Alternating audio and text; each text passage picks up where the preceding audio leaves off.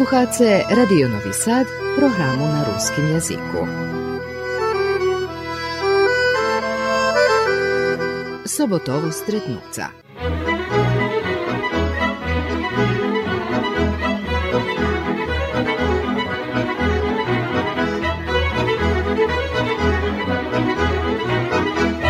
Poštovani sluhače i u nješkaljšej emisiji hostinska nam Marija Čakanova, nastavnica z Ozrudského Kerestura, teraz je penzionérka, žije v Keresture a rodzená Ramačová. Veci, ako si ku prešlej emisii sme bešedovali o tej časti, keď bola Ramačová o detinstve. A dneška by sme takú veci chceli popripovedať o času okupácii i vojny i školy. Po toti 4 roky ste učili po mađarski? Kad počel uh, novi školski rok, jak mađarska vojska vošla, uh, već še zjavila jedna grupa učiteljkov mađarkov, z mađarskej. A naši učitelj bol Jemjaki Molejer i učitelj Dudaš i še dahto. A hevto už boli mađarski učiteljki. Mi ne znali ani slovo po mađarski, a učiteljki ne znali po ruski. I ja jem pamätam, že keď sme perší raz vošli do školy, počal školský rok u okupaciji, mi stali u šoroh u dvore, perša klasa, druga klasa, po dvojo po dvojo, uvedli nas učiteljki do klasi i ja pred uhodom do klasi, a chodzela som tam do tej, co še teraz volá zamok. Tam do tí deti, co z toho kraju Valaluta, tam sme išli zo Salašoch. Pred dvermi učiteljka vidjela, že mi je zaviazana ruka coška, ta mi ukazala i coška še mi pita. Ali ja jej nič ne znala povest, jem som im hovorila, že bolí me. to bolo všetko. Ale sme mali jednoho pajtaša u klasi, ktorý vyrosteška pod kulu na salašu, ta še bavil z, z mađarskima dzecmi, ta znal po mađarski, da on nam bol perši prekladatelj. Kad mu učiteljka daco povedla, naj nam ukaže na zveri, jak še to hvari po mađarski, a na oblak, jak še to vola, a na stol. I tak, kus pokusta sme z jeho pomocu i zo, zo z nju učili jazik. A učebniki sme mali mišani i ruski i mađarski. Rusky to boli ani nie ne u nas pisani, ale e, u, karpatski, da, da kar, karpatsko-ruskog jazika, a mađarski boli pravi učebniki, tak pedagogino dobre napraveni, boli krasni sliki, mi učali i toto. A škola bola obovjazna, osnovna? Osnovna škola po štvartu klasu bola obovjazna, a dumam že već od pijatej nadalje nie bola obowiązna, ale boli i to tí klasy, len boli menší, menej deti chodzili do 5. do 6. klasy. A nie, nie bolo do 8. 8. uvedzená až tam po vojni, po ošľobodzeniu. Da, ne, da nehutorím, bo nepoviem točno. I vy tak 4 roky? Hey, aha, to u stvari neboli celý 4 roky. Celý druhý školský rok, e, e, 42, 43, 43 i 44 školski rok, a već už od jeseni, e, keď prišlo ošlebodzenie, već u stvari školi nie bilo, bo naši školski budinki boli e, pretvoreni do vojnih špitaljoh. U všetkih budinkoch školskih boli ranjeni vojaci. I to bilo trvalo dok še front nie preselil až do Hrvatskej. Za Dunaj. Za Dunaj, hej. Ale za tot čas, dok našo školi boli špitali, potom ale front ešte vše sme každý večer videli oheň tam kolo Dunaju, kde sa štreljalo i duboň. A u nas bol mír, tu sa neštreljalo, len bola vojna bolnica. U prešnej emisiji sme spomli, že otec jeden rok vám bol u robstve, hej?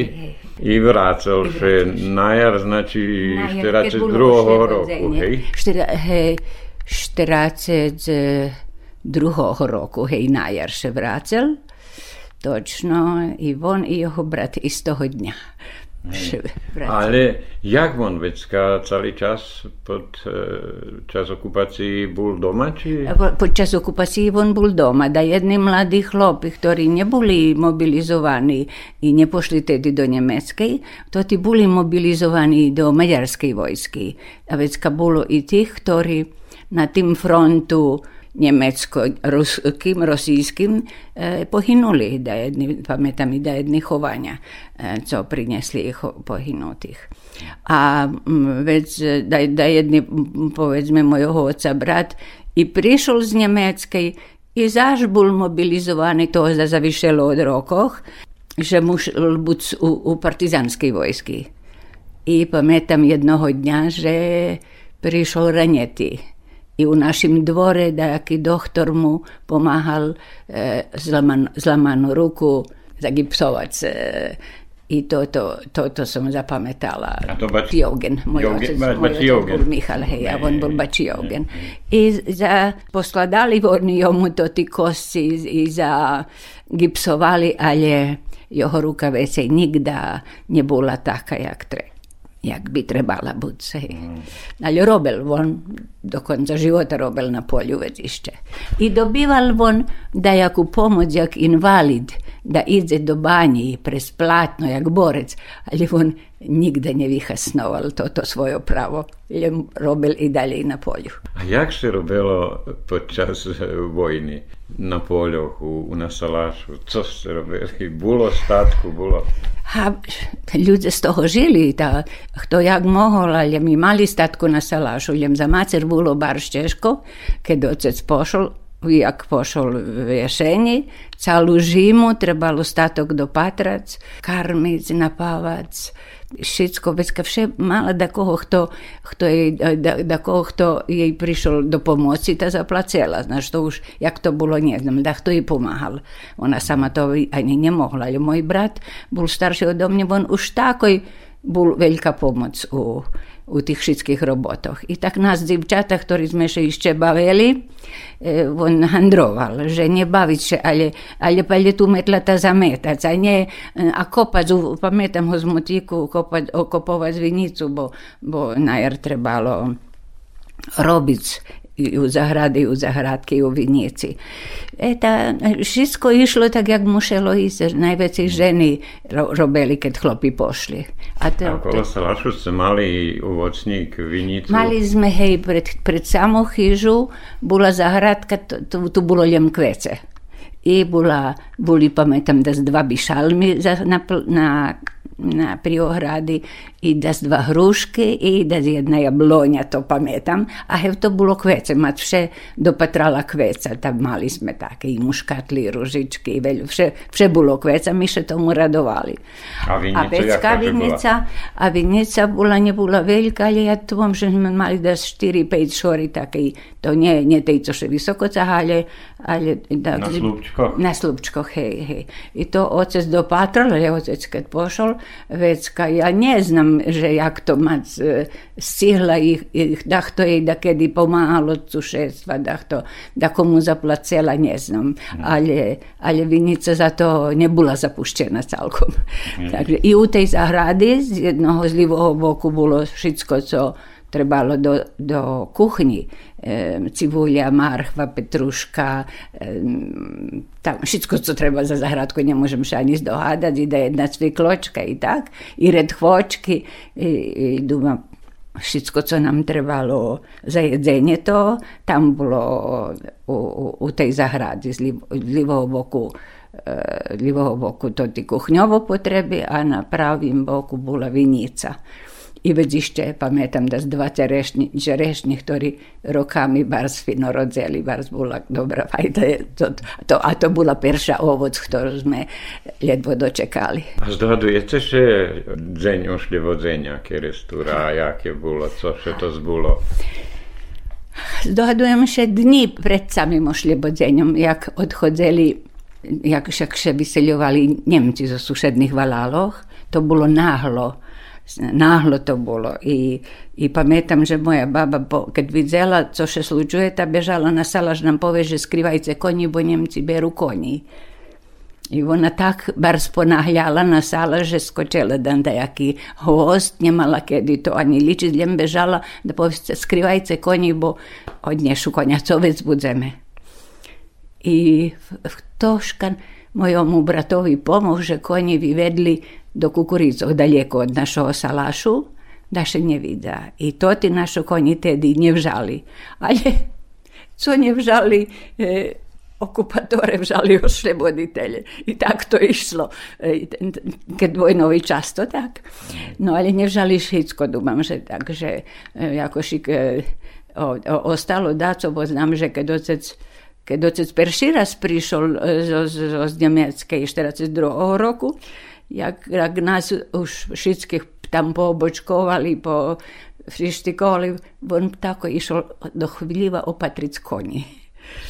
No i vecka potim še život mirnodopski po, tak, odvíval, bo ne, tu nie było wojny. Było maďarského wojska e, po obilscoch i u školoch, i, ale nie, nie, mirno bolo. Mirno bolo, nebolo štreljanja, a bolo straži, tak išli povolali, merkovali večer. Večer leginje divki na posle deset še ne smeli zjaviti na ulici.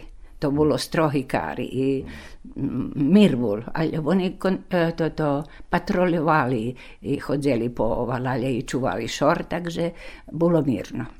A jakže, keď oslobodzenie vecka oca nie povolali do vojsky? Lebo... A otec ozda už, ozda už bol starší, ta jeho, vec, jeho, rok jeho rok už nebrali, ale svojho brata vžali vecka. I, i, i prišli zo, zo, z toho zo zarobljeništva i zašli bol povolaný viešení do, do vojska. I hvarim tu dzeška u, u streljanju on bol ranjeti, to znam.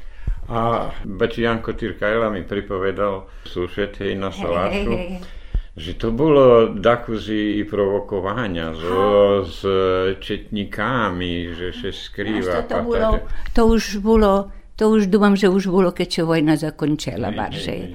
Ta vec ešte vše hľadali četníkoch. A, a co tam bolo e, pravdy a co e, pripovedané, ja neznam, ja zapamätala to, to že že mojho oca jednoho večera prišli po ňoho da veže jakýchšik ľudoch na druhý sálaž až pod kulu do sitkara i otec po rozkazu je mal to, ale šednut, a, a bola žimata na sankoh i ve, vezol von dvoch chlopov, on ne zna kto to boli.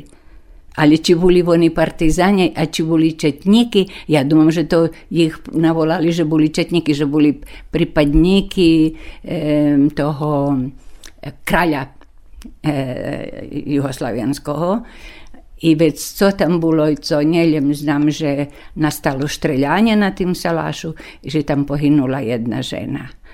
I jej deti boli takú starší odo mne i človek ostala, lebo ona stekala, keď ču, vyčula štreljanja, stekala prez oblog i ju, ju potrafeli i ona pohynula. A ruskinja bola, hej? Ruskinja, hej, hej, mm-hmm. hej. To má, že mi hvaral, že čija žena. Hej, Sitkarova, Sitkarova boli, hej, hej, tak dúfam, že boli. I pamätala som ich.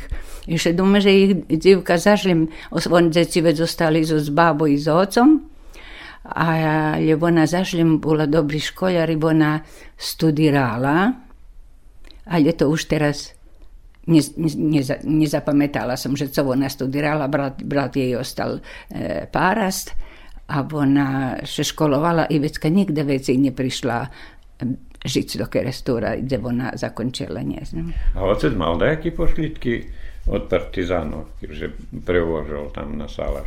Ha, on troška bol sumničený, neviem za to, že, že našto to, jednej noci prišli jakýž dvome chlopi, že chcú prenocovať, ocet nehnal to sú. Ale on še bal.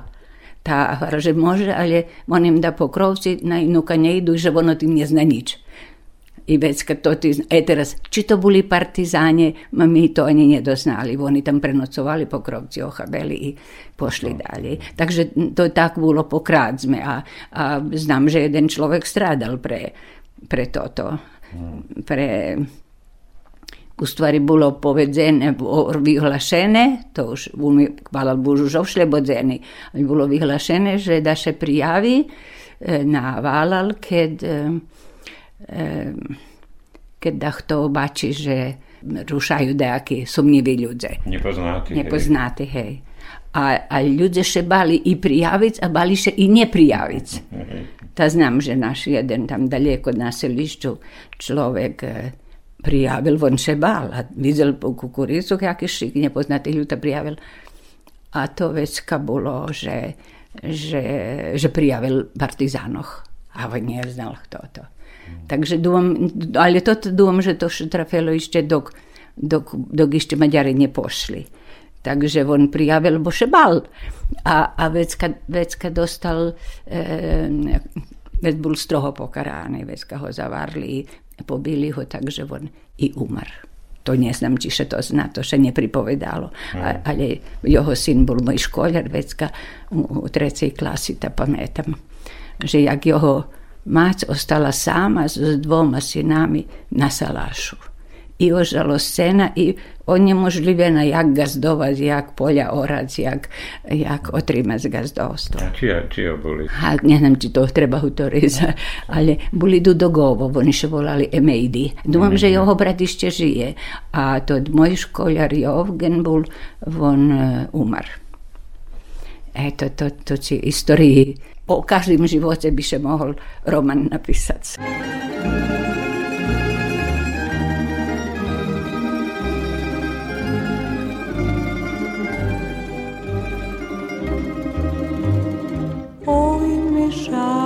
tu meša čočku, nješvici njihoj.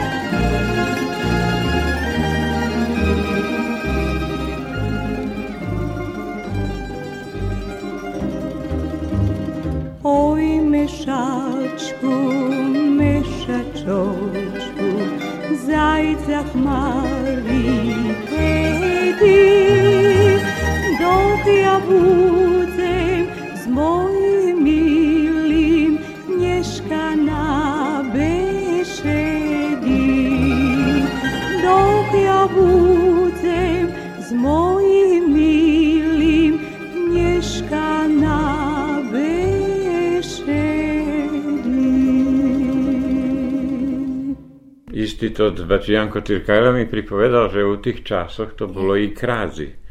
Że ljubeli pris na sałaż, odjazdać konji, kravi i mali su da slučaj. Nam se tam tedi nie slučalo, slučalo dost poznejše. Že, i, to, I to już nie ocowi, ale bratowi, že mu w nocy odnesli celje zos hljiva, i on nič nečul, a psi sme mali, ale psi boli ozda nakarmeni, da nje, e, on, znali to ti do, do dvora uvezli e, pri kolicu i odnesli celje i pitaj Boha nič. Već on prijavil policiji, miliciji tedišnjej. A to ti prišli, opatreli, e, opatreli mu ličnu kartu, onda govori, lična karta, ta vam už ne važi, vyšel, vyšel jej rok. No ta nič, vec nevaž, nevaželo, lopove neboli, e, kradoše neboli vlapeni. A tak to veľa, koji su takí ľudzi nešmeli ani pripovedať. A my deti to nešicko ani znali. Takže bolo takoho, ale, ale ja neviem, toho pamätam, to som už pozabúvala. Ale Jakošik posle vojny vy vařili jak bohatší, hej, jak gazdové. Vaš, Ramačovo, Bačiovo. co, toto bohatstvo, jaké naše bolo, to bolo nič od toho, jakých teraz je bohačoch. Ale tedy oni boli, oni mali svoje žemi, a môj otec ich varal takedy, že jaký, to oni boli, to tí, co mali vecej žemi, jak dešec holty, to boli bohače. Ta vecka kad mal 20-30 to už bul bohač. I vecka mu nakladali veliku porciju, tako da ne može vyplacic. A keď ne mohol vyplacic, već pošol do areštu. Ja pametam, že ja hodela do učiteljske škole i už otec me prišel opatrit, ja še i čudovala, že on nikda ne hodil me opatrit, opatriť. Prvo on ro, nikto nechodil, ja še učela, mal roboty, a to nie tak ani boli vjazi dobri, trebalo celý deň stratiť da príde do Subotici. Ale ja vše priniesla dobrý oceny, ta problémy nebolo. Ale pamätám, že on raz prišiel, to som sa bardzo nespodzívala u čaše e, predpoladňovým. My školáre boli na dvore u učiteľskej školy a on še zjavel, prišel me opatiti, tam bilo čudno i pitat se za moj uspjeh. I on friško ja ho odvedla do zbornici, našli sme klasnoho, nastavnik vžal dnjovnik poupatal, hvala še šitsko dobre i ocec pošel. I kad e, drugi dzen prišel jeho brat Bači Jovgen, pred daco konči do supotici, u stvari prišel mi poveć, že otec pošel do hreštu. Kad se vracal za Suboticu, u kuli ho pričekala milicija i do areštu. A preco, že utoril da jaki negativne stvari o seljanskih za drugoh, bo tedi brali žem do zadrugoh i već kad tam boli novi gazdove i nove upravljanje i nove gazdovanje i očec ostalo u areštu. Domam že dva mešaci da zbol, bo kad mnje se škola zakončela, ja prišla domu i mi boli djeci na dvore u Valalje precoška, ne a naraz se otvorila kapura, a ide otec, šicok zarosnuti, bljadi, puščeli ho. A čom ho puščeli? Bo nemali dokazy, že on daco protiv državi robil. Nebolo dokazy, ale že on varil, razljem varil, že nešmel pred nami decmi pripovedať, jak tam bolo, jak ho vypitovali, ale som raz čula, že že ale to ti bili. Ta dobili oni već kaj fizični kari, ali dokazi nie mali, že on da co zle zrobil, takže ho puščeli i već on dalje gazdoval dom, ali on ešte dlho bol pokaraný, pretože mal vecej žemi, jak co bolo do, do normálno, že očekovalo, že by človek mohol mať. Teraz žali vám to tu zem Žali, žali, žali. Nacionalizovali. Ne, to I, mohli mať keď 17 holty. Tak nebolo veci jak 20, tak 10 alebo také. 10 hektári, dúmam, že. No, o hektároch to bolo, hej. I vecka, ale i na toto, co mu ochabeli, i na toto mal narucenú väčšiu porciu, jak co mohol platiť. I to še volala obaveza, že keľo žita potlačiť by ma dať državi. I on bi vezol keljom uz rozelo, ali ohabel nam nahljeb. Međutim, to nije bilo dost. A kad nje odnješeš keljo treba, ideš do hareštu. A on već hodzel po sušednih valaloh, tu bili naseljeni črnohorci, oni dobili ženi, ali nje bili taki opterhovani za, za porciju, obovjasku, ta očez išol kupova značarno, že bi državi dal, co treba, ljem da ho ne rušaju. A baba znam, že hvala ljem, daj keľo pýtajú, daj všetko, ljem da ne ideš do areštu. Mhm. I tak še to zostima. To, to ti taki nespravedlivý porciji, to ti rvalo dakle do 62. roku, a već už pamätam, že od 60. 65. nadalje bilo vše povoljnejše, već ka dakus napredoval, dakus še popravilo stanje. A jak se vi odlučili do učiteljske škole, do Subotice? pa to kremna pripovedka. To kremna, ja nikda ne dumala o tim.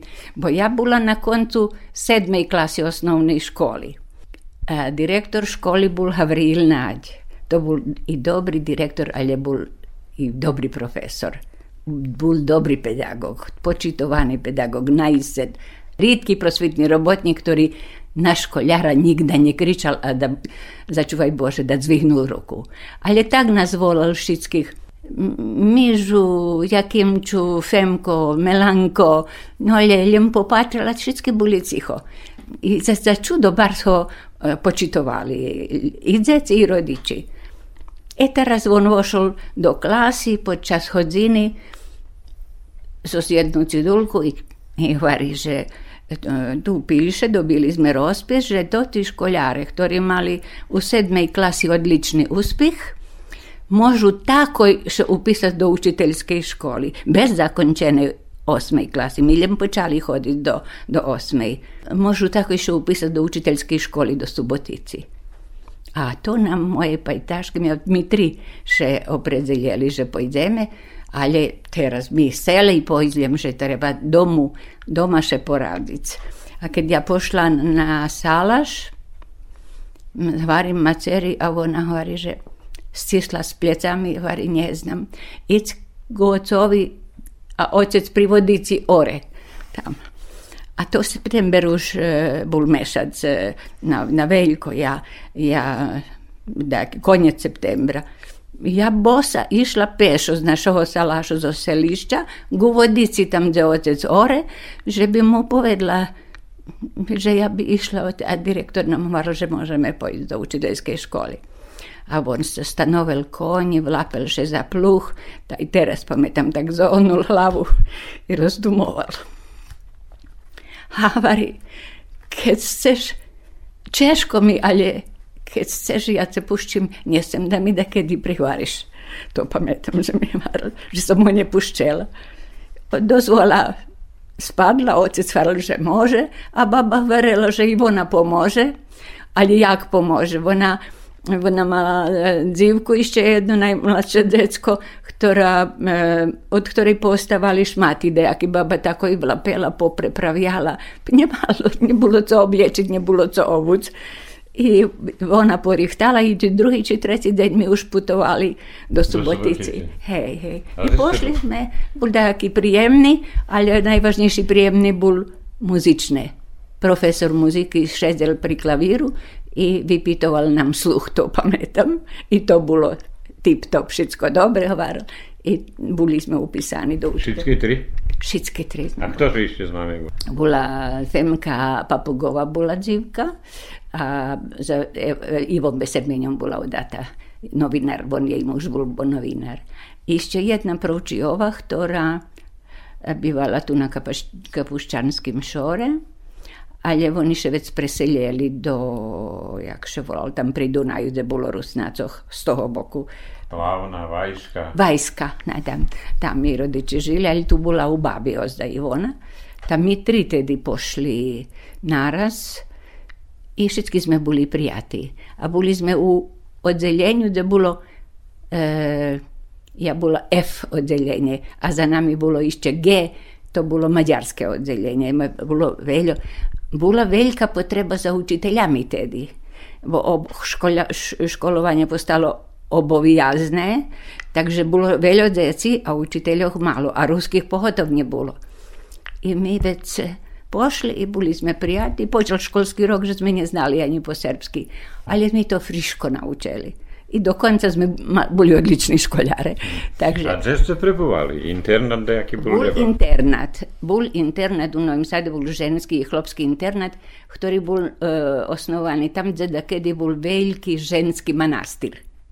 Ale česni šestri boli da gde, to zna gde vyhnati. To bolo prevžate, država prevžala za učiteljsku školu i tam bol i internat i škola u istim budinku. Po praviloh državnih, ktorí nemali žemi, e, mali pomoc od državi, ta, e, im bolo besplatné prebovanie u internatu, abo minimum placeli. A ja nemala, bo moj otec bol kulak. Teda kedy mi i hovoril, že jaký ja kula, keď som od 6 rokov od rana do noci na polju. Ale tak bolo. On bez nemohol me dať do internátu, bo by ho veľa koštalo. Ale som bola na privátnym.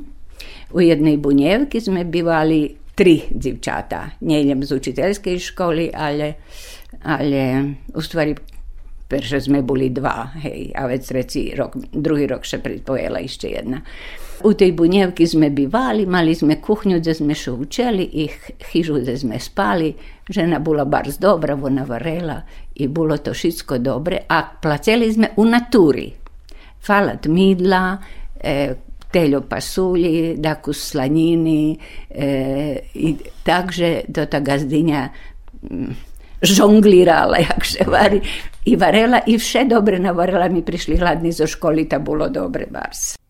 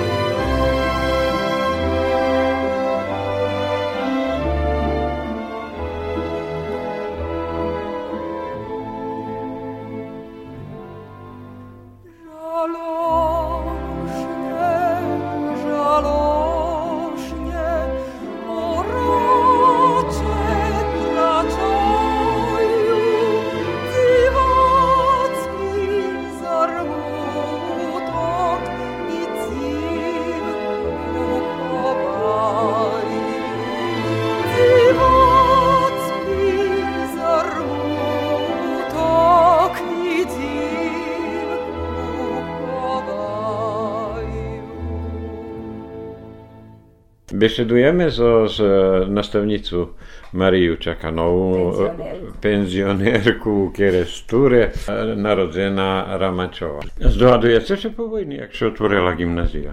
Zdohadujem sa, že e, školski rok 44-45 e, počínal tak, že v školi boli vojni bolnici i škola nie robila da, da do, do onovoho roku mi ja trebala za, zakončiť štvrtú klasu a a školy nebolo. Prosto ne, še nerob, školy, ne, keď, ešte keď sa to tí špitali vyselili, E, Veste, ženy robili, porajeli, biljeli školi, e, dezinfikovali, to je to prešlo do nového roku. Až posle novim roku počali, počala nastava i već e, bilo otvaranje gimnazije, že se u Keresturi. A otvaranje bilo školskog roku už, už 45. E, u februaru, kad dobre pametam, bila si ja točno v gimnazijski zgradi, na gimnazijskim budinku, z bilo ljudzo hveljo i vsa točna beseda, otvaranje školi, to pametam. Vecka eh, od skeljo dni počala nauka. I tu bilo problemi s profesorami, nije bilo profesoroh. I kus pokuše nazberalo i toto. Ali najbarže mi ostalo u pametanju, že teraz tu trebalo njeljem školski lavki, ali je trebalo i, i kabineti, sredstva nastavne za fiziku, za hemiju, za, za biologiju. I to vlasti še dogovorili, že njemecka gimnazija rozformirana, Njemci pošli, zo zverbasu priseljeli šitski potrebni e, nastavni sredstva do kerestorskej školi. I to mi bi sa višeli sliki na murov, to trebalo išće všetko posortirati, pošoriti. štal i kosanjek za biologiju, ali u kuce jednim pametam, ždeci še čudovali, obi hodzeli to od kosanjek. I na štred nastavnicke izbornici bula hromada knjiška visipana na, na patosu. A my še deci, ešte neboli, nechodili šorovo do školy, ale sme behali tam. Tam boli chlopi, komisia dajaka z Valalska o, od Šeradela, co Šeradzeli o školi. I tam na, patra na to tú hromadu knižkoch a jeden od tých odborníkoch, nebudem mu meno spomínať, bo tak ukázal z nohu na knižku a jednu tak, a cože to ty knižky tu tak na žemi? A jeden sklad chlapec kričal, čo to švabské? A on hovorí, že hoď, ale to ozda knižka. To som zapamätala. Zažlím še do knižkoch nie, nie kopaj, nie, nie rúca po, po i veď to tie knižky, to pravda, to boli veľké knižky encyklopedii, ale na nemeckém jazyku. Ale zažlím oni veď našli mesto u Ormánoch, kde mesto knižkov, ktožka to pošorel. A veď nemali sme nastavníkoch, tak pamätám, že Macerinsky vykladal doktor Matej Vinaj. A nemal, on, on bol právnik po, po fachu, ale znal ruský jazyk, poznal gramatiku Havrila Kostelnika i s tým sme počali ruský jazyk. Jedna geografkyňa prišla nastavnica, co znala po srpski, nie znala po ruski. Vecka, e, zjavenie bolo veľké, keď sa zjavil ja, Jaša Bakov. Bo Jaša Bakov bol majstor za všetko. On znal i francúzsky, i rosijski, znal i špivac, znal i matematiku. Co dze trebalo, tam on robil i mi ho bar ljubili. On, on nebil dzeci nikda. On všetko zavedol, navedol za, na Frantu, ker bo videl, že djeci bi stati, on nadumal, da so špivac i tak... E, pedagoški vantovi vedol šitsko, a najvažnije sam zapametala, že dzen pred Kirbajom mi imamo školu, šitskim djecom u glavi Kirbaj, konjiki, čamci, tam boli razloženi u, na štred balala, a mi u školi. Von videl, že tu z učenja ne bude nič, ta počel z nami skladati pisnju o Kirbaju.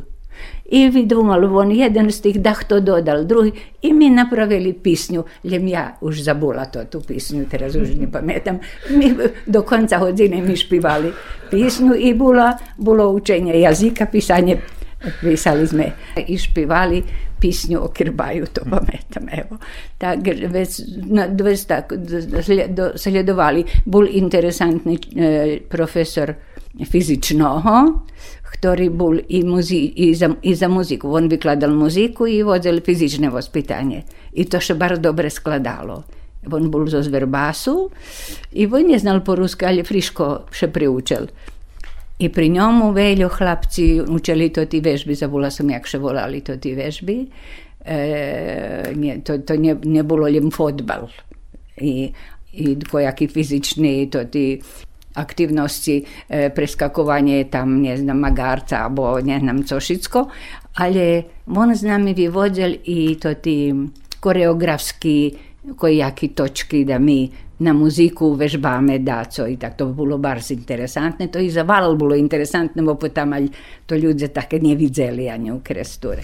Veľa vás bolo v školároch? A tedy boli, tedy boli polní klasy ešte. E, pijata, šesta, sedma, osma, Nie osma, to, to tedy bola, to tedy, tedy še volala osnovna pijata, šest, ali mi to volali perša klasa gimnazija, druga klasa, treća i štvarta, to štvarta klasa gimnaziji, to bilo co teraz osma klasa osnovnej školi. I već posle toho, kto sel še školovac, išol već dalje do štrednjih školoh, do, do Kuli, do tehničke, do Subotici, do tehničke, do, do Verbasu, do gimnaziji, do, do poljoprivrednej, do, do to Bačkej palanky, tam kde, hej. hej. I e, vecka veli, veli naraz pošli na všetky strany do školy i odrazu še zjavili e, fachovci rižných fajtoch. A to deti do gimnaziji Njemske reštora prichodzeli, hej, ruski deti. E, ruski deti, hej, prichodzeli i zo Rimu, zo Petrovca, zo Mikloševcov, zo, zo, zo bačincah, bilo i, već bolj tu i internat, pri školi bolj i internat organizovani, takže eh, z ruskih mestoh eh, prihodeli. A tu z Bačke, povedzme, tudi z Verbasu, Kocura, Đurđova, iz Kocura, iz, Kurs, iz Kocura, iz Đurđova ih bilo u internatu, hej, točno je mala u klasi, pa i taški zos Đurđova, iz Kocura, ali već kaše to kus pokus, dúfam, že premenilo. Ja už nepamätám, e, ktorého roku to vec bolo. Vec nebola gymnázia, to bola obojazná osnovná škola. Tu bolo takú zvekší problém ľuďoch nahnať, da dajú deci povrch šestej osnovnej. Ešte i do sedmej, i do osmej tu sa odperali ľudia a zákon prišiel, že do osmej klasy e, treba e, zakončiť. Ale već kad su to obovjazne osnovne školovanje e, smenjeli na sedmoročne, e, ta znači po, posle štvrte osnovne išće išli do pjate, šeste i sedme i to bilo konjac osnovne, a već rozhodzeli po, po... Ali jeden čas bilo i srednja škola, odnosno remeslo, zanat, e, zanatska bulo, e, škola. Ej, bula, zanatska škola sam... u odeljenje u Keresture bula. Ej, a e. to sam živi robeli tu. Ja tako zrobela, tam sam ruski jazik bi gledala to, s toho času sam zapomentala jednu frantu. a pa to možem si pozbo, to školjare i take ljubeli. A hlapci, najveći tu hlapci boli u tej e, zanatskej školi, a tu hodeli na ruski jazik i ne znam co išće. Jem ja mala tam ruski jazik. I pamiętam raz, że e, to do Štefan Čakan, on da jako biologijo, da so take, on inženjer bolj, hej. Agronom, tako. Agronom, hej. E, da on bo šel do klasi gotim hlapcem, a oni majstrove porihtali karselj pohubenih, tori njemali jednu nožku. Ali je on šednul tam na to karselj i spadnul. I tak jak spadnuli še dolapil na nohy i hvore, ho, napravil pran, mohol som i spadnúť. A oni već sa šmejali, dumali, že ho barsto potrafi, bo ktorý šik še nahníval, keď také daco na bojska kričal, vadil še njima, a to pa napravil frantu, oni še našmejali. I to s takýma deťmi trebalo tak. Ale vecka ja neznam, kedy še to tá škola utáhla, to nepamätám. Vecka to prešlo do Kúly, do Kúly, hej. Do hej, hej.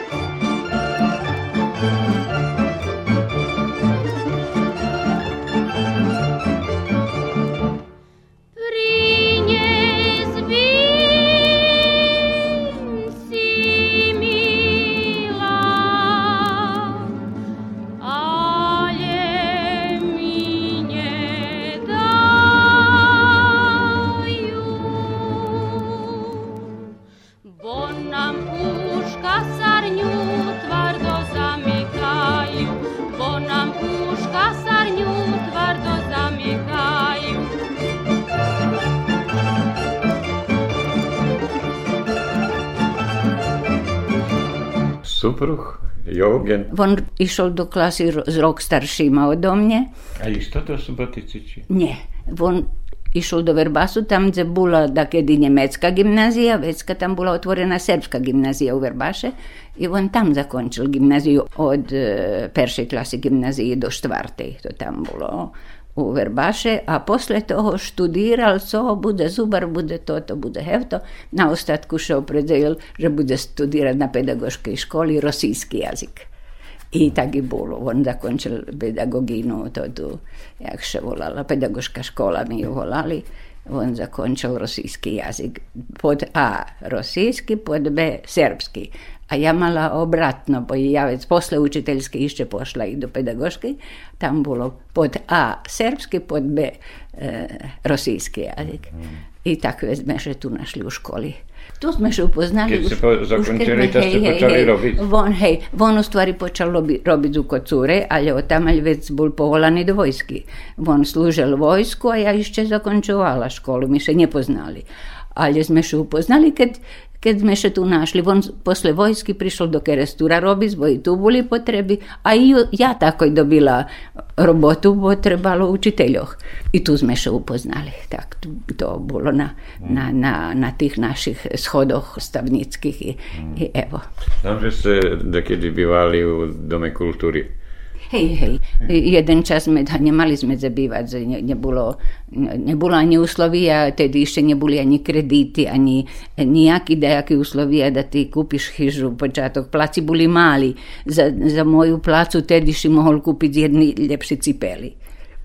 Co, co vec poves, ne, nebolo úslovia. Až 65.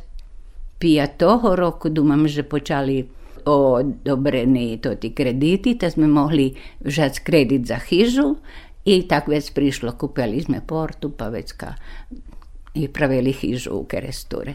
Kadi ste napravili? To, tu je lovarski dom, to bola naša chyža, mi pravili to. Ja, Izabel, hej, záde, hej, to. Ale, hej, ale to, tu sme malo bivali, bo već raz prišol novinar jeden, ktorý i trebalo i, i ruske slovo z Kerestura še preseljelo od prostoriji dobilo u Novim Sadu i prišol on tu i do nas, ne znam gdje, gledal, kto bi išće počal tam robiť u ruskim slove.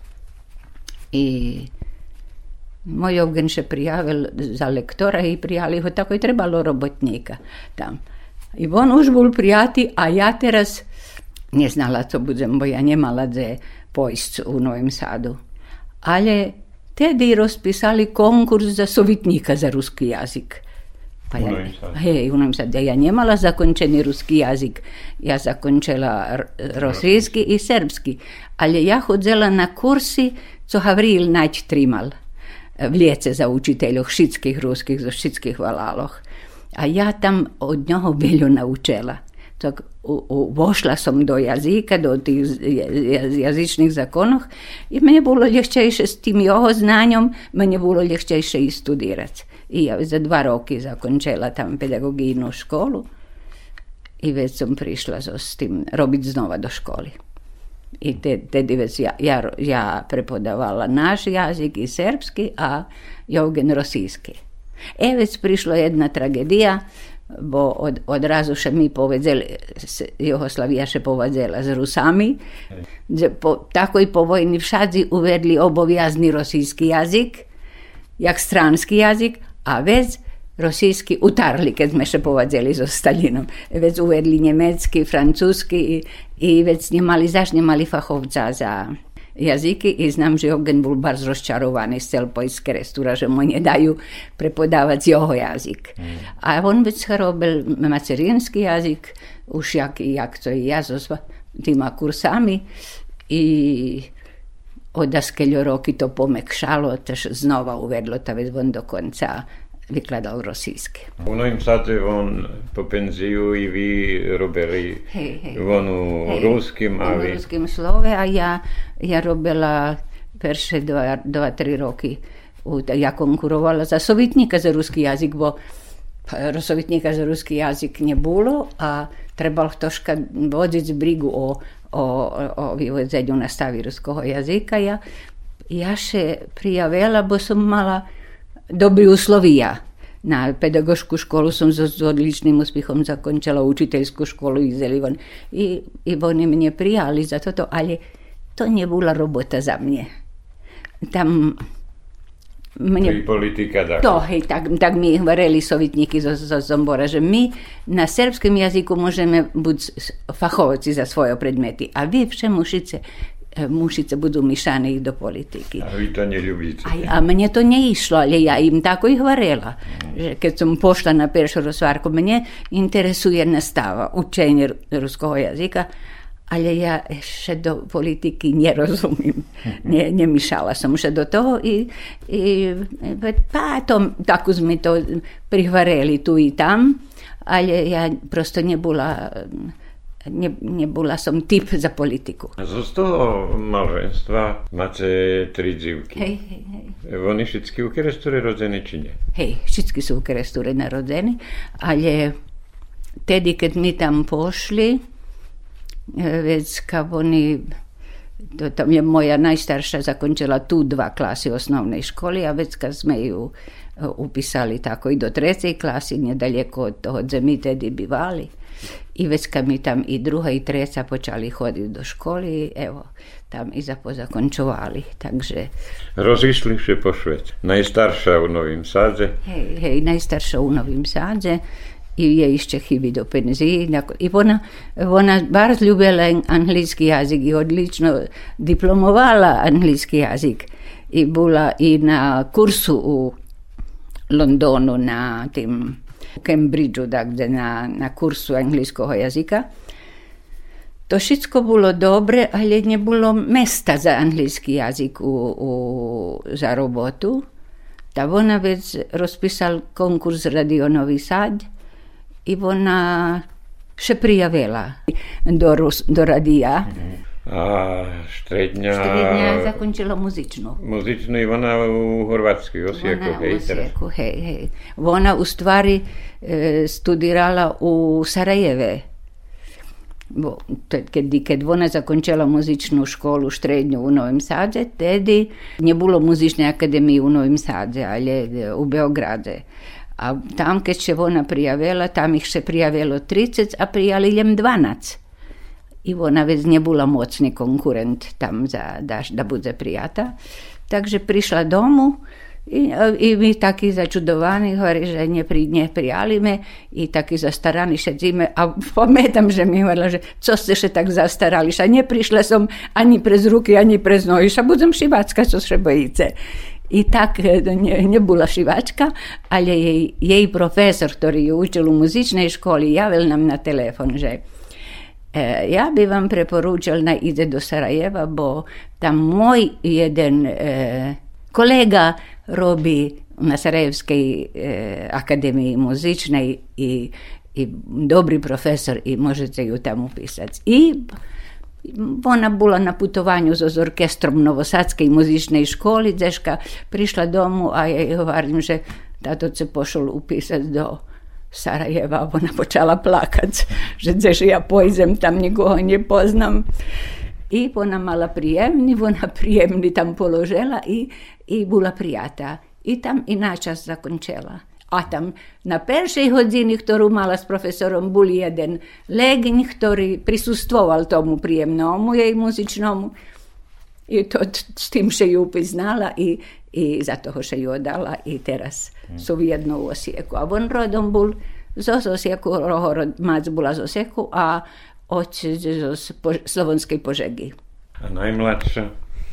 A najmlađa? Najdalej.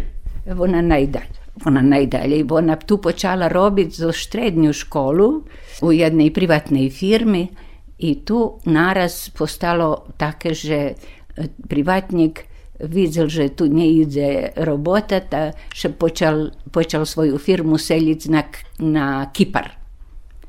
Ali on zo sobu vžaljem da skeljo robotnikoh, a hevti ostali tu jedna službenica z njima ostala, co bude, ne znalo še več, co dalje bilo. Ljem, to ta sekretarka je hovorila, že keď možeš da gde najz robotu, gledaj, bo ja ne znam jak tu bude. I ona mala pajtašku i pošla do, dočasno do Italije, do Pajtaški, od, od, od Pajtašky e, na, na druhé mesto i tak dalje. I tam upoznala jednoho e, človeka, za ktorého še i odala i, i, i tam i ostali. Žije u Sorentu. U Sorentu, hej, hej. Turistične mesto, to tak viem teraz i tam kriza, bo turistične mesto. Kjera máte unukoch i pravnukoch? Unukoch mám šest, šestero, tri, tri, troch chlapcov i tri dzivky. A vecka mám i pravunukoch, ale pravunuky mám dzivčata tri. I jednoho chlapca, hej, evo tak. Tak život cekol, nie cekol tak, jak, e, jak človek planuje, ale co život priniesie. Ale oni to tí, keď z Italii prídu, oni bar ľubia tu prísť. Im tu bar strašne. Okrem tu uvalali. Ale nechodzia každý čas. Boli, ostatní raz boli prešloho lieta. E teraz neznam, jak bude ďalej. Vy dobrú časť životnú u Novým Sádze. Pol života do Novým Sádze. Mala som, mala som 36 roky keď som pošla do Nového sádu i vecka som došla do penzii. Takže ja pošla včas do penzii i to už som dlho penzia. U penzio. Ale pod starost ste sa vraceli do Kerestura. Hej, a hej, vracela som sa do Kerestura, bo podvonce pojdem ani do jednej dzivky, jakže pojdem z moju penziu, co tam budem, pojdem i na terchu. Nie, nie, také som ne, nezadumovala. Ja vec predala tam kvartel, tá som tu kúpela hižu. Jak vám tu u Keresture? A mne krašne tu. I, I nielen mne, ale mojim decom i unukom krašne, keď tu prídu. Ľubia prísť. Ľubia prísť všetky. Hej, všetky ľubia prísť. Užívajú tu moji. Ja mám toto, co mi také najvažnejšie knižky pri sebe a keď nájdem to dobre na televízii, to patrím i tak. Preprevádzujem to, to, to prechodí čas. Ale vidno, že rok za rokom prinoší svoje ťažkosti. A ešte vše som na nohu i môžem sebe poslúžiť sama i tak. Zdraví buďte, že ste nám dakus e, pojašnili, ošviceli vaše detinstvo i to čas. Žyczę vám veľa zdravia i že by ste ešte družili so zunukami. Ďakujem. Divkami. Ďakujem, hej, to, to najväčšia radosť i, i ja vše veci zastaraná pre nich, bo nevidím dajakú perspektívu míra u Švece. Za toto še staram. A deci nesvidomi, že co znači mir u dome i mir u državi. Bo ljehko, mladih ljehko nahoć co nahvarić, na, zavesti ih na dajaku nedobru drahu i na všelijakih stradanja vecka. Hej. Sluchali ste sobotovo stretnúca. Hostinska nám bola nastavnica Maria Čakanova, Ramačová, penzionérka u ruským keresture. Autor Janko Choma. Emisja realizowana jak niezawisna produkcja u sotrudnictwie z agencją Videopunkt z Beogradu.